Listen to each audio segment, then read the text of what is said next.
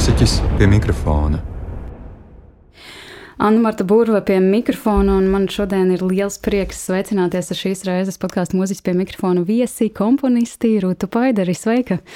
Sveika, Marta!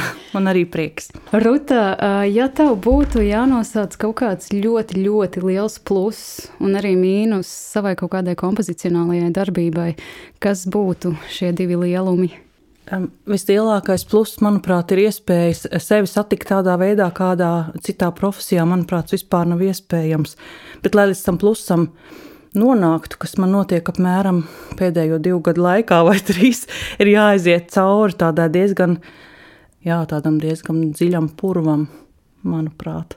Kas komponistiem daudziem droši vien ir, ka viņi saskarās ar šādām vispār pārdomām, eksistenciālām pārdomām, varbūt pat. Es domāju, ka visi savā veidā saskars. Es tā negribu visu vārdā runāt. Es varu runāt e, savā vārdā un savu tuvu draugu vārdā, kuru biogrāfijas es ļoti labi zinu. Un es nezinu, vai tas labākais salīdzinājums ir purvs, jo tas tā izklausās uzreiz pēc alkoholisma pēc kaut kā. Tas patiešām nav domāts. Tas ir eh, vienkārši pastāvīga tāda sarunāšanās ar sevi ļoti sāpīgā līmenī. Patiesībā sajūta, ka es esmu ļoti lielisks un es tagad esmu kaut ko svarīgu paveicis vai izcilu. Tāda sajūta iestājas varbūt. Nu, nu Varbūt ļoti reti. Jā, Klau, bet kāds ir tavs kompozicionālais process? Piemēram, ja mēs domājam par to, ka nu, jā, komponists kaut kādā brīdī piesēžās pie tās lapas vai pie tās datorprogrammas un viņš sāk rakstīt, bet noteikti liela procesa notiek arī pirms tam un pēc tam. Kā tu varbūt aprakstītu savu darbību? Mm, jā, rakstīšana, protams, ir tas fiziskais process, kad tu sēdi pie pārstrā jau pie galda. Daži sēž arī gultā, kā es esmu dzirdējis ar datoriem, kas ir iespējams, vai pie klavieriem. Es principā ne, man būtu grūti mobilizēties. Mm. Bet tas process pirms tam sākas ar lēmumu pieņemšanu. Tagad tas darbs noteikti taps, un ir apmēram kaut kāds laika ierobežojums. Zināms, ka viņam ir jātop arī līdz kādam noteiktam Eh, datumam, un, eh, un pirms tam ir tā tāds satraukums un nemieris, un, un tā, bet tad vienā brīdī vienkārši to lēmumu pieņem, viss tur vairs nav nekādu variantu, viņš taps. Un tad tajā brīdī sākas tāda ļoti eh, īpatnēja tā koncentrēšanās uz to, uz to vienu domu. Viņi sabiezē un sabiezē. Un tad vienā brīdī viņu var pārcelt uz papīra, bet tas arī nekad, vispār nekad nav tādā veidā, kā viens pret viens. Ka es kaut ko galvā izdomāju, un uh, uzlikšu tos papīrus, jo tad tas vienkārši tur pazustu jebkāda maģija. Tad tas principā būtu tāds plānveida darbs, kurā es izdomāju, man tēma ir šī, man sastāvs ir šis. Un tagad es šajā veidā, kā man viņš liekas loģiski, to izlikšu uz papīra. Tas būtu vienā mm, veidā uh, ļoti vienkārši. Tas ļoti, ļoti atvieglo darbu, jo tā es arī varu. Jā. Es domāju, ka kurš komponists tā var, bet man liekas, ka uh, ļoti retiem izdodas šādā veidā radīt kaut ko nozīmīgu. Vai tajos nu. brīžos, kad tev šī ideja kaut, parādās, kaut kāda kompozicionālā ideja, vai viņa tevi tiešām pārņem visā tajā pilnībā. Es īstenībā iedomājos, tikko man nāk prātā angļu valodas vārds kā consume, kas ir vēl, mm. vēl varbūt tāds labāks. Vai tu spēj varbūt koncentrēties kaut kādam pilnīgi, es nezinu, ikdienišķām lietām tajos brīžos? Mm, patiesībā es nespēju. Man tas ir ļoti grūti, un, un tomēr tam, tas, protams, notiek. Bet uh, tajos brīžos varbūt ir viens pluss, ka man patiešām netraucē nekāda zirnekļa tīkla vai, vai kaut kādas uh, neizdarītas praktiskas lietas. Es spēju tās spēju kaut kā izslēgt tajos mirkļos, kas man ikdienas dzīvē ļoti svarīgi ir. Man, man patīk, ka ir kārtība, man patīk, ka, ka mājas dzīve funkcionē un, un tā tālāk un tā tālāk. Bet tajos brīžos es tā kā palieku akla pret, pret daudzām lietām tur nav kaut kas, kaut kāda dokumenta aizpildīta vai nosūtīta, vai es pat reizēm negatavojos savām augstskolas stundām. Tas, uh, jā, es atzīstos, ka tā arī mēdz būt. Jā. jā. Nu tā es domāju, mm. ka vienam uh, gadās. Bet uh, es domāju, atgriežoties pie tā pirmā jautājuma par tiem plusiem un mīnusiem, kas būtu tas vislielākais mīnus, tu teiktu? Vislielākais mīnus ir tā Es pamēģināšu to noformulēt tā, kā es sajūtu, jo sajūta ir ļoti konkrēta, bet vārdos viņu izteikt nav viegli. Tā sajūta, ka man visu mūžu ir jācīnās kaut kā morāli pret ļoti lielu skepsi, kas pastāvīgi pavada manu darbu. Un tā skepse ir pilnīgi no visām pusēm. Es īstenībā pat brīnos, ka kā man apmēram šajā dzīves vidusposmā jau ir izdevies kaut cik ar to vispār kaut kā sadzīvot. Nu jā, jo mūsu tēma patiesībā, man liekas, ļoti lieliski tagad ievadīja, tā būs radošā vientulība. Un vai tu šo radošo vientulību skaidrotu kā šo skepsi no apkārtējās pasaules, vai tur nāk vēl kaut kādi parametri klātam? Pirmkārt, es varbūt izvairītos um, tādu terminu ieviest radošā uh, vientulība, jo tā kaut kā diezgan, diezgan vispārīgi attiecas uz visiem radošajiem cilvēkiem. Manu, manuprāt, tā ir tā ļoti specifiska komponista vientulība, par kuru es runātu, un par to skepsi, jo mūsu uh, darbs principā visos līmeņos norit vienatnē. Pilnīgi visos. Sākot no tās idejas, tad mēs ļoti ilgi sēžam vieni paši. Mums ir pašiem, pilnīgi vieniem pašiem ir jāizvērtē, vai tā ideja vispār ir cienīga to realizēt. Jo, piemēram, ja kādā firmā vai uzņēmumā rodas, jau, rodas jauna ideja mārketingā vai kaut kādā veidā kādu produktu ieviest, nu tā, tur taču ir vesels nodaļs, kurš par šo ideju diskutē, un tur nāk par un pret, bet es sēžu pilnīgi viena pati, un man ir, piemēram, jāizlem, vai man paļauties uz ši, šo ideju, ja viņa tomēr ir neiedzīga, vai viņai ir kaut kāda jēga tikt realizētā, bet varbūt tikai tas ir kauns un negods, kurus sev pati, gan sev, gan klausītājiem piedāvāšu. Ar to jau tas pat viss sākas, ka es nekad nezinu, vai tā ideja patiešām ir uh, vērtīga. Man tajā mirklī viņa liekas interesanti, tas ir fakts. Bet uh, vienmēr pastāv, kā mums jebkuram, ja mēs neesam pastāvīgā tādā apmaiņā ar saviem apkārtējiem, mēs jau neredzam, kādu iespēju mēs viņiem atstājam. Mēs it kā minām, mēs esam tādi vai savādāki, bet uh, kompozīcijas procesā vienkārši šāda veida izvērtēšana vispār nenotiek. Tā notiek tikai vienatnē. Bet kā ir pēc tam, piemēram, nezinu, sadarbībā ar tiem pašiem mūziķiem vai nezinu, kolēģiem? Neparādās mazāk, mazākās sajūtas vientulībā. Mm, jā, es vēlreiz noprecizēšu, to vientulības sajūtu, jo tā ir atšķirība, tā ir privāta cilvēka vientulība, ka tiešām nav draugu, tu nejūties saprasts, vai, vai kā tā radošā cilvēka vai komponista vientulība ir bez žēlošanās tāda, vai man neviens nemīl, man viens negrib. Tā ir vienkārši pilnīgi pastāvošs fakts. Un arī, kad es tiekos ar mūziķiem, protams, ka kaut kad ir iekarota kaut zināma reputācija un kaut zināma cilvēka apmēram zina, ka lūk, tādas personas X vai Y idejas pārsvarā ir interesantas. Un, un tā, bet pašos sākumos tu esi jauns komponists īstenībā formāli līdz pat 35 gadu vecumam. Visi tev sauc tikai par jauno komponistu un arī joprojām vismaz Eiropā, es nezinu, Latvijā droši vien arī stipendijas vai visādi finansiāli atbalsts tiek piešķirt jauniem komponistiem līdz 35 gadu vecumam. Tas nozīmē, ka tiklīdz tev asociē ar jauno, tu esi eh, meklējošais. Tā kā kāds suns, kas meklējās kaut kur, tas nozīmē, ka, ka eh, nu, labi, tas ir nežēlīgs mm, pārspīlēts salīdzinājums. Bet šajā meklēšanas periodā tevi pavada arī liela skepse, kad tu satiecies ar mūziķiem, ko tu jautā, kas notiek um, mēģinājuma procesā. Pirmkārt, mēģinājuma process bieži ir ļoti īss. Tā ir mūsdienu tāda pat, es pat teiktu, kaita ka tu kaut ko raksti, un pēc tam kaut kāda um, kameras mūzikā ir savādāk ar orķestriem. Drīzāk tas attiecas uz orķestra darbību, par teātru arī vēl citu lietu. Bet, nu, tāda pieredze ir pilnīgi jebkuram mūziķim.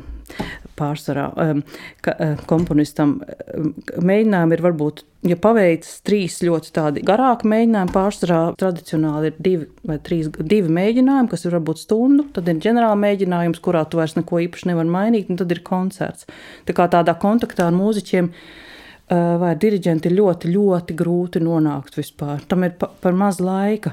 Un tad, salīdzinot proporcionāli to gadu vai pusgadu, kaut vai tie trīs mēneši tur savā cēlē, ko tu tur ieguldīji savā, savā domāšanā, un pēkšņi viens, divi, trīs, viss ir garām, viss ir pagājis, aplausus puķis, ar, atspēlēsim varbūt vēlreiz un čau, ej un rakst nākamo pirmatskaņojumu. Tas ir patiesībā drausmīgi, un tiešām, kā tu saki, mūsdienu pasaules. Bet uh, es īstenībā aizdomājos, vai tā tiešām nebija agrāk arī ar tiem pāris mēģinājumiem. Es godīgi sakot, nezinu. Es tajā laikā, um, es nedzīvoju 50, 60, 70 gados, un manuprāt, tajā laikā man tāda sajūta, ka mūziķiem bija arī komponistiem sevišķi arī cits status, ka bija vēl kaut kāda tāda ka māksliniekam mazliet ap mākslinieku tā tāda aura tika vīta. Pat ap, arī, arī Ādams Kulta vai Jānis Ivanovs vai Romualds Kalsons no samērā vēl tādas, nu, arī no vecās paudzes dzīvojiem komponistiem. Es pat atceros, kā jauna meitenes gāja Romualdu Kalsonu operu klausīties pazudušās dēls, es biju, man likās, ka vienkārši Dievs to ir uzrakstījis. Oh. Jā, bet kā es, es pat, man pat bija grūti viņam pateikt komplimentu, jo es viņam nespēju tuvoties. Un tagad kopumā vispār šī uh, hierarhija vispār ir pazudusi par ko pat nav vērts žēloties. Tas arī ir interesanti. Es domāju, ka tā nemaz nav jābūt. Bet tas fakts tāds. Uh, ka uh, mūsdienās māksliniekam nav, manuprāt, vairs sevišķa status. Viņš vienkārši tiek redzēts kā viens no tiem, kas tur kaut ko dara, un nereti, jāsaka, diemžēl, uz sabiedrības rēķina. Bet tas, uh, tu, tu teiktu, ka tas ir vairāk labi vai vairāk slikti, kad drīzāk būtu labāks tas iepriekšējais variants vai šodien? Tā, manuprāt, ir cita tēma jo tam katram ir gan savi plusi, gan mīnusi. Es domāju, ka tiklīdz mākslinieks vai sevišķi komponists tiek pacelts kulta statusā, sāks nekritiska viņa apbrīnošana, un tā nav pozitīva um, nevienai pusē. Mm. Jo tiklīdz sākas ļoti liela panākuma, uh, tāda dabiskā dinamika, ka viss, ko, ko komponists viens vai otrs vai komponiste dara, ka tas viss vienkārši ir labs, viņš savā attīstībā nereti nu, apstājas. Un tāpat publikas domāšana pazūd, jo viņi redz vārdu vai uzvārdu un, un, un to jau apbrīno. Tas aiziet tādā pilnīgā pašplūsmā. Es, es neesmu tāds dievināšanas piektē, man arī pašai nemaz to nevajag. Ko es ļoti vēlētos, kas ir nu, tas, tas, kas man sagādā prieku, ka es redzu patiesu, tiešām patiesu interesi. Ka kāds atnāk uz koncertu, viņi noklausās un pienāk klāt, un arī, ja kritiski kaut ko pasaka, bet ar pietāti, ar cieņu nevis uh, dusmīgs pēc tam kaut ko ieraksta kaut kur sociālajos tīklos, ka atkal ir izplūnīta kultūra kapitāla fonda doniņa. Ja mēs abstrahējamies no šī, šiem kaut kādiem ārējiem faktoriem, kas ir tieši saistīti vai nu ar publiku, vai ar mūziķiem, vai pats tas tavs process, ka tu komponē, tas vientulīgais process, ka tu esi viena pati, tas tevi saista pēc būtības. Uh, Tas ir ļoti, ļoti labs jautājums. Paldies, ka tu pajautāji, jo citādi sarunas gaitā tas pat varētu pazust no fokusa. Tas ir tas, kas man ļoti patīk. Un šī ir tā vientulība, kuras patiešām izbaudu. Un sevišķi tad, kad ir tā ideja saķerta, kad viņi sāk vispār palikt um, kaut cik konkrēti, kad ir pirmās, uh, ne jau taktis, bet kaut vai pirmās pāris lapas puses uzrakstīts. Un es jau sāku just tā kā īstenībā tā kā māls, ko tu sāc tā formēt uz visām pusēm, skaties, kur ir roka, kāja un kas, kas tā vispār par figūru būs. Šī vientulība man ļoti patīk. Un es zinu, ka tajos uh, brīžos mani vienkārši Ehm, sadusmo pilnīgi, pilnīgi jebkurš traucējums, absolūti jebkurš. Vai telefona zvani, vai, vai kāds no manis kaut ko vēlas, ja man jāpieceļas un ir eh, jāsaģērbs un jādodas kaut kur uz kādu sabiedrisku pasākumu. Un šī ir vientulība, kas patiešām ir ļoti liels pluss. Jā. Bet kā, piemēram, ja mēs tagad pa, paņemam šo pašu jautājumu, pavēršam tomēr un iekļaujam visus šos ārējos apstākļus, Kā sadzīvot ar šo sajūtu? Jo es pieļauju, ka tā šī sajūta um, attiecībā uz ārējiem faktoriem jau ir ļoti ilgu laiku. Kā tu kā komponists ar to sadzīvo? Nu, mani brīžam arī pašu pārņem skepse. Jā, nu, sadzīvojis, protams, ka sadzīvoju. Es kaut kā esmu sapratusi, ka es arī pati kā cilvēks, no manis arī kaut kāda jēga ir ne tikai no mana darba. Un sevišķi jauniem komponistiem, man liekas, ka tas notiek ilgi, ka tas darbs ir tik specifisks, ka tu visu ņem no sevis un līdz tu esi atbildīgs līdz pat par visu, līdz pat pēdējam piano vai pianissimo, mezzo forte vai forte. Saprotot to, ka es kā cilvēks esmu savā ziņā vismaz saviem tuvākajiem kāda vērtība, es daudz vairāk spēju to ignorēt. Bet arī es manu, ka man šī pastāvīgā sajūta, ka man ir jāaizstāvs, jo es esmu uzrakstījis modernu skaņdarbu, es viņu neesmu uzrakstījis, lai kādam darītu pakaļ, vai lai kādam tur izraisītu sliktas sajūtas, vai kādam tur, tur neapmierinātu viņa eh, prasību pēc, pēc konsonansēm vai, vai kaut ko tādu. Es to darbu uzrakstījis, jo vienkārši man kā personai bijusi tāda nepieciešamība. Un, ja kāds to vispār nespēj izturēt, ja viņam liekas, ka tā ir piemēram garīga cil slima cilvēku māksla, kas ir lasīts, dzirdēts, ap citu arī šeit latviešu runājošajā telpā, tad uh, Es pat vairs nesadusmojos, man pārņem tāds, tāda, jāsaka, tāda cīniska skepse. Un tas, kas man vienmēr ir bijis, man visu mūžu bijusi ļoti liela vērtība, manā paša izpratnē, komunikācijā ar citiem, tādu ieviest, visu akceptēt, centies, centies būt ļoti labestīgai un, un saprast, ka katram cilvēkam kaut kāds fons, uz kuru viņš kaut ko saka, viņam ir sava biogrāfija. Man tā šā veida labestība pret tādu agresīvu uzbrukšanu, modernu, kas pat negribētu teikt, modernas, laikmetīgas mākslas vērtībām, kur nereti tiešām mēs būtu arī visai agresīvi, tad es arī atļaujos būt aroganta. Un tad es varu ļoti asi aizstāvēties. Un es domāju, ka es to varu ar vien labāk. Un, un, šādi... un arī argumentēti noteikti.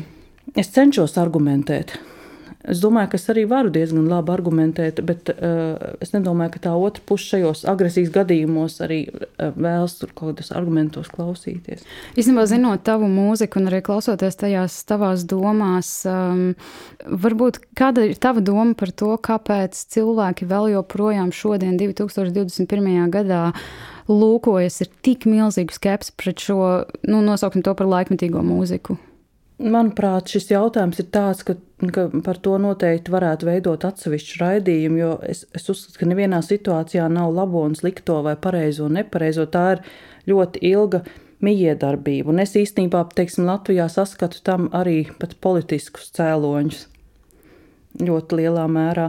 Un, ja es, piemēram, Vācija, kur es dzīvoju, tur, tur ir savādāk attieksme, tur atkal man būtu jā, kaut kādā pilnīgi citā veidā jāskaidro šī problēma, jo tur, piemēram, vispār nav agresijas pret modernu mākslu.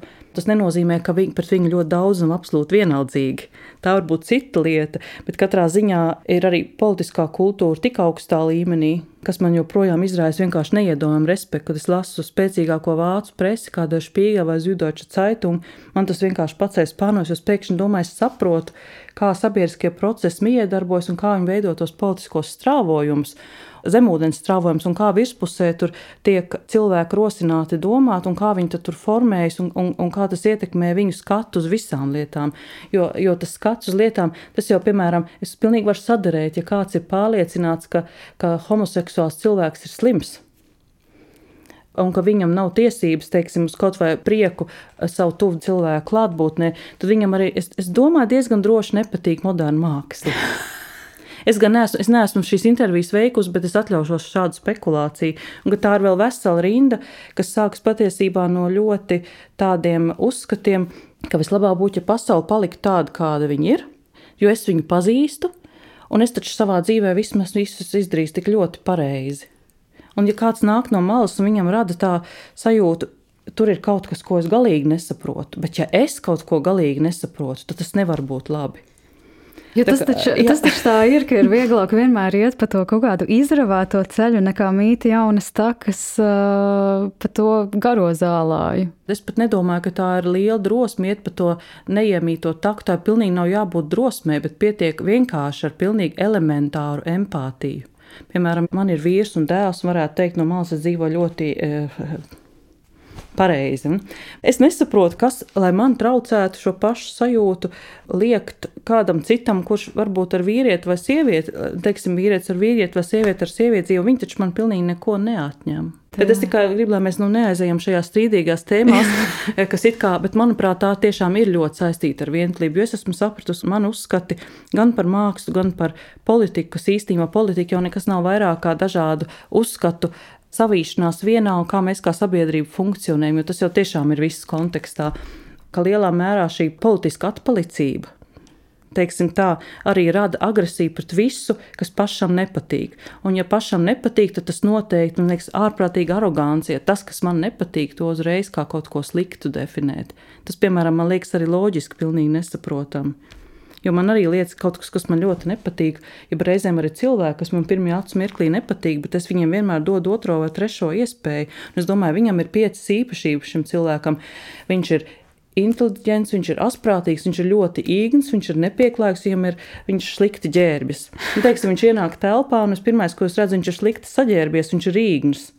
Man viņš liekas vienkārši neciešams, un viss kopš tā brīža es ar viņu vairs negribu kontaktēties. To, ka viņš ir asprātīgs un inteliģents, man vispār nav bijusi vēl iespēja piedzīvot, jo es viņus redzēju tikai vienā. Vienā īsā fragmentā. Tas pats ir ar jauno mūziku. Es vienkārši tiešām palieku nu, ļoti ļauna kad kāds eh, jauno mūziku vai moderno mūziku saista ar 12 toņu sistēmu un Šönbergu un kaut kādām šķībām, disonancēm, un tas man vienkārši norāda uz tik ļoti lielu eh, tajā jomā izglītības trūkumu, ka man nemaz nav īsti par ko runāt tur tajā, tajā veidā. Un tā vientulība dzīves eh, vidusposmā, vēlīnā briedumā, kādu es lēnām sasniedzu, vientulība pārvērš tādā no malas vērošanā ar pašhumoru, bet arī ar lielu distanci. Atgriežoties pie kompozicionālās vientulības definēšanas, varbūt tādas, vai varētu būt tā, ka atslēgvārdi ir kaut kāda šī skepse, bet drīzāk no tiem ārējiem faktoriem uz tevi. Skepse nav tikai ārēji faktori uz mani. Skepse ir arī manī pašā, tās pastāvīgās šaubas. Tāpēc, ka uh, izvēloties kaut vai kurai idejai pieķerties un kurai nē, paliek jau visu laiku nedrošība. Kamēr tas skaņdarbs ir tapis, kamēr viņš ir atskaņots, es vienmēr sadzīvoju pilnīgi ar, ar, ar reālu iespēju, ka viņš ir pilnīgi nevērtīgs. Ka es savu laiku patiesībā uh, ziedoju kaut kam tukšam un muļķīgam. Tā iespēja, starp citu, vienmēr pastāv jebkuram no mums visiem komponistiem, vienalga slaveni vai neslaveni. Vai šī sajūta, tavuprāt, nāk no tevis pašas, vai arī tu, piemēram, esi runājis ar kaut kādiem saviem kolēģiem par šo pašu sajūtu, kā ir viņiem? Mm, sajūta mm, nāk pirmām kārtām, protams, no manis pašas, bet, bet eh, mani eh, draugi, un es pazīstu ļoti, ļoti daudz komponistus, tā visiem ir vienā vai otrā veidā tēma, jo mēs taču visi principā ejam šiem procesiem cauri. Pilnīgi viss. Tas būtu dīvaini, ja šī vientulība viņus nenodarbinātu. Mm -hmm. Mēs neesam savā starpā par to runājuši. Jāsaka, es vispār pirmo reizi atklātībā par šo tēmu runāju. Tāpēc, ka, um, par to ir grūti runāt, jo šī ir tiešām tāda specifiska vientulība. Arī, piemēram, skatīties, kur, kurā brīdī saplūst tās robežas, kad tas ir darbs kurš jau norit vientulībā, un kad tu esi vientuļš kā cilvēks, jau tev it kā ar savu darbu neizdodas sakomunicēt, un tu paliec vienmēr it kā tur lietu stāvam ar savām simfonijām. Un arī, lai nebūtu pārpratums, ka tur, tur personisks rūkums tajā obligāti nemaz nav, kāds ir pamats. Tā ir vienkārši tiešām profesijas specifika. Bet ko komponistam Jā. emocionāli tas nodara? Ļoti daudz kļūst par alkoholiķiem. Es gan nezinu, mūsdienās man liekas, ka komponisti, sevišķi manas un vēl jaunākas paudzes, ir daudz profesionālāki tajā ziņā, ka viņi prot veidot kontaktus, pašiem daudz lielāka iniciatīva. Un, un spējas arī savus darbus bīdīt uz priekšu. Bet, piemēram, manas paudzes komponisti, kuros ir ļoti liela melanholiķu deva, un es domāju, ka šī tēma arī visus skar no, no mums. Mēs jau tikām pilnīgi citā veidā audzināti. Un mums tāda sevis prezentēšana patiesībā vai, vai savu darbu bīdīšanu uz priekšu bija pilnīgi sveša tēma. Un, piemēram, vēl mana skolotāja medīņu skolā, kuras ļoti cienīju, kur man ļoti daudz iemācīja Tamāra Kalnu. Viņa pat man ļoti ieteica komponēt. Viņa teica, tāpat laikā, ka sievietē nevajag komponēt, ka tur nekas nebūs. Jā, tā, bet viņa man ļoti atbalstīja. Es domāju, ka tā bija viņas pašas pieredze, jo viņa pati arī bija bijusi komponiste.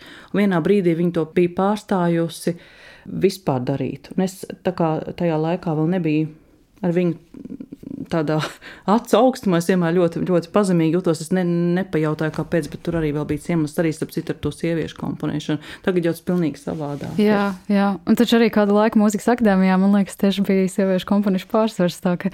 Jā, Latvijā, jā, bet Vācijā tā nebija. Un, un kad es iestājos 97. gadā eh, Hamburgas mūzikas augstskolā, es biju vienīgā sieviete. Es biju vienīgā ārzemniece, vienīgā sieviete. A, cik jūs tur kopā bijāt?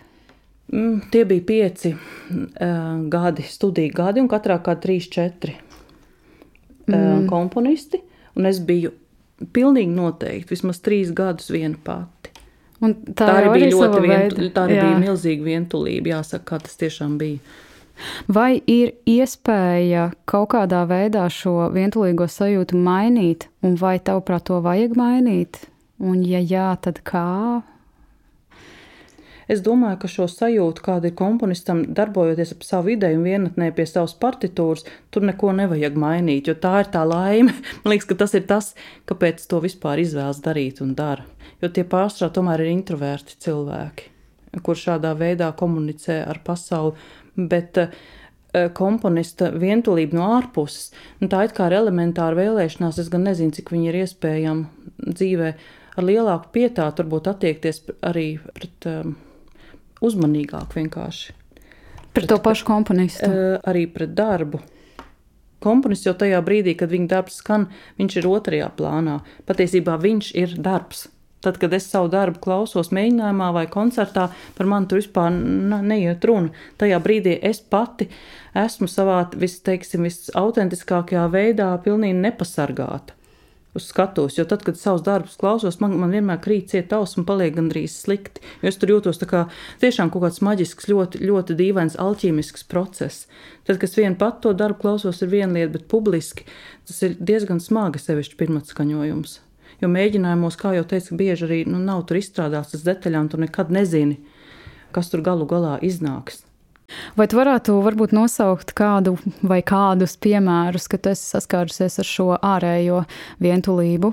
Tu domā tajā izpratnē, kāda ir bijusi konkrēta attieksme pret maniem darbiem? Jā, jā, jā un tā, pret tevi, jā, protams. Mm, nu jā. Uh, varu gan, tas bija mans uh, skaņdarbs Profiles of Sand, ko es uzrakstīju 2010. gadā. Es viņu uzrakstīju ļoti īsā laikā, tādā, tā kā tādā uh, ārprāta iedvesmā. Es nezinu, kaut kāds darbs ļoti, ļoti viegli aizgāja. Uh, man, es viņu ātri uzrakstīju. Man liekas, tiešām toreiz bija pārliecība, ka šī ideja un ka to, to varētu būt to vērts. Un tad Hamburgā man piedāvāja viņu atskaņot uh, orķestris. Hamburgā simfonikā tas arī nu, to es varu arī nosaukt, kāpēc ne. Un uh, es, protams, ļoti priecājos. Es visu biju norganizējusi ko, ko vajag. Balss bija pārrakstīts šeit Latvijā, Mitrēvitas kundze pārrakstīja vēl roku balsis to aizgāju uz pirmo mēģinājumu, un tur pirmais, ko man orķestrāns sēž pilns skepses. Ja tur kaut kāda austrumu Eiropas meitene atnāks uzkāpus uz skatuves, tad uzrakstīs orķestrim. Pirmais, ko man teica, Nu, jums jā, jāsaprot, ka sulponticello un tas speciāls paņēmiens violas spēlē. Sulponticello forte nedrīkst tā rakstīt. Ja jūs tā rakstīsiet, tad jūs vispār neviens nespēlēs nekad. Viņam pat bija taisnība. Starp citu, es zinu, ka Sula Pontičelo vienkārši nevar nospēlēt skaļi. Bet tas bet, veids, kā tas bet man bija kaut, iespēja, kaut kāda noteikta skaņa eh, arī tajā laikā prātā, un es vienkārši to nebiju realitātē. Man jau nebija bijusi iespēja to realitātē pārbaudīt. Un pēc tam tas bija viens, un tad man paziņoja, ka šim skaņdarbam ir paredzēts viens mēģinājums stundu. Viņš Oi. bija sarežģīts. Tur bija gan eh, Hammond orgelis, pat nezinu, kā to latviešu saka. Tās kā no popmūzikas 70. gadu tas taustiņa instruments. Jā, jā, jā. Fendro Rose. Es, es tiešām nezinu, kā latviešu sauc. Un tad tur bija arī vēl, vēl čembalo. Eh, un, un diezgan tāds pamatīgs sastāvs. Un, uh, un tā tas arī notika. Un tad Hamburgā to atskaņoja tādā koncertā, kuru sauca Stars of Tomorrow, mm. kas jau no vienalga ir tā. Un tas koncerts parasti viņš tika paredzēts mūsu tur, teiksim, jaun, jauniem daudzsološiem zvaigznēm, pianistiem, violniekiem un tādiem skatuves um, briljantiem. Un pēkšņi tur atskaņoja manu darbu. Un tur bija diezgan daudz tādas uh, cienījama vecuma kundas ar, ar uh, pēļu rotām un uh, no labi audzinātām ģimenēm, kas vienkārši tur tiešām daži cēlās kājās un gāja ārā. O, tu piedzīvoji! Es jau, jā, es to piedzīvoju, gan, un tas viss tas komplekss, es sajūtu tik ļoti tādu negatīvu attieksmi, jāsaka tiešām tā kā par tādu kaut kādu pēdējo pabiru. ka tas man diezgan traumatizēja to laiku. Bet tas ir interesanti, tas klausos mm. tavā stāstā. Patiesībā pirmais, kas man nāk prātā, tas ir vienkārši tas, kas man vispilgtāk iespējas atmiņā no vienas dokumentālās filmas par Stravīnski, kad uh, viņa svētku pavasaris tika pirmatskaņots uh, un publika cēlās kājās un klaigāja. Labi, te varbūt, tev varbūt neklaigāja, bet uh, reāli simt gadus vēlāk ar tevi notiek, nu gandrīz simt gadus vēlāk ar tevi notiek kaut kas ļoti nu, līdzīgs. Nu, klaigāja jau gan, ja kāds piecēs un diezgan skaļi atkla, atklakšķinot atstājot savu sēdekli, vienkārši pamet zāli kopā ar draugu.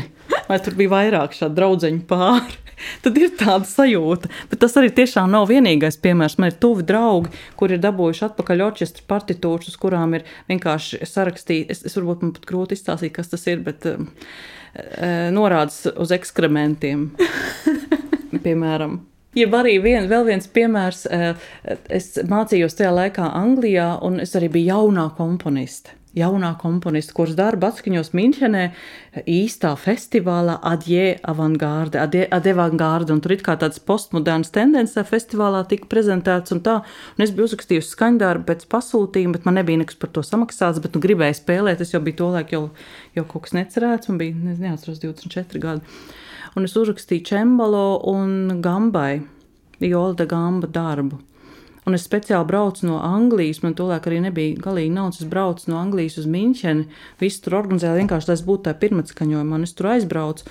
Un divi mūziķi, kuriem tas bija jāatskaņo, viņiem nebija vispār laika to iemācīties. Tur nebija, tur nefunkcionēja ne temps, ne notis, tur negāja tas kopā. Tie pat bija, bija labi mūziķi, bet viņam laikam bija licies, ka tas ir kaut kas pilnīgi elementārs, ko viņi no noraus no lapas. Un tas, tas negāja vispār. Un es jutos pilnīgi, un es pēc tam vēl dzirdēju, ka pauzē man aiz muguras Eh, divi cilvēki sarunājas, divas eh, draudzenes. ka viņām vislabāk paticis mans skaņdarbs. Un es pilnīgi droši zinu, ka, ka ja viņš būtu ticis nospēlēts, kā viņam jātiek spēlētam, viņām viņš nepatiktu. Oh.